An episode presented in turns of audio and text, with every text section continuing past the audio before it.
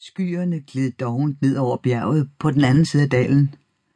De smalle elfenbensfarvede striber slyngede sig ind gennem passet mod øst, som regel sidst på eftermiddagen eller først på aftenen, fandt sammen og formedes til hvide slør, samtidig intens sølvfarvede, oplyst af solen, der gik ned bag bjergtoppene.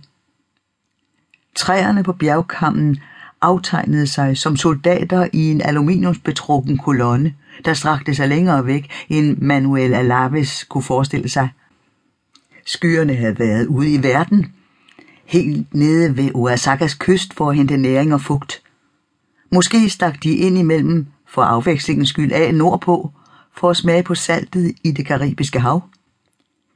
Når de kom tilbage, emmede bjergsiderne stadig af fugt, og ud af den tætte vegetation steg et hit åndedræt.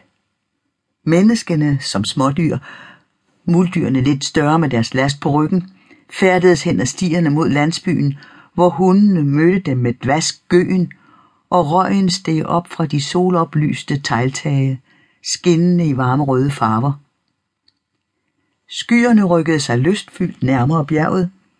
Manuel forestillede sig, at de og bjerget blandede deres væsker, og derefter fortalte hinanden, hvad der var sket i dagens løb.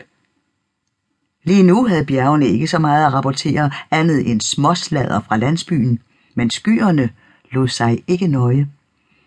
De ville have lidt smalltalk efter at have sejlet hen over et uroligt kontinent, så fuldt af fortvivlelse og hårdt arbejde.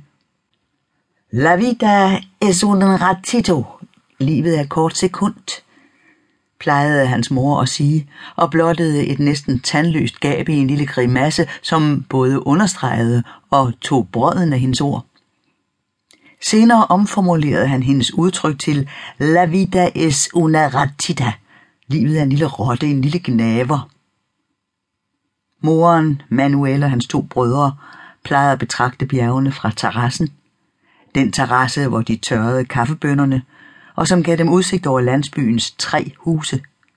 En landsby blandt mange, afsides beliggende fra alle, undtagen dem selv, med en god time til den nærmeste større vej, som kunne føre dem til Talea og videre, efter fem timers buskørsel, til Oaxaca. Kaffen blev pakket i en eller anden havn, ingen vidste hvilken, og blev afskibet til El Norte eller Europa. Når opkøberne havde lastet sækkene og ført dem væk, mistede landsbybeboerne kontrollen. De vidste, at deres kaffe smagte godt, og at prisen ville tidobles, måske 20 dobles, inden den fandt sine købere. Manuel lænede sig mod det kølige flyvindue stirrede ud i den stjerneklare atlantiske nat, udmattet efter den lange rejse fra bjergene ned til Oaxaca, plus syv timer i bus til hovedstaden og en halv dags venten i lufthavnen. Det var første gang, han fløj. Den uro, han havde følt, var gået over i en forundring over, at han befandt sig i 11.000 meters højde. En stewardesse kom forbi og tilbød kaffe, men han sagde nej tak. Den kaffe, han havde fået tidligere, havde ikke smagt godt. Han betragtede stewardessen, mens hun serverede for passagererne på den anden side af gangen. Hun mindede om Gabriella, den kvinde, som han skulle giftes med. Det var på tide, syntes hans mor. I hendes øjne var han gammel. Det føltes, som om han næsten var tvunget til at gifte sig med hende. De havde mødt hinanden for flere år siden, og mens han var i Kalifornien, havde de holdt kontakt via breve. Nogle gange havde han ringet. Hun havde ventet på ham. Og det var det, Manuel nu oplevede som en byrde. Han havde ikke hjerte til at nægte hende det, hun havde regnet med og ventet på så længe.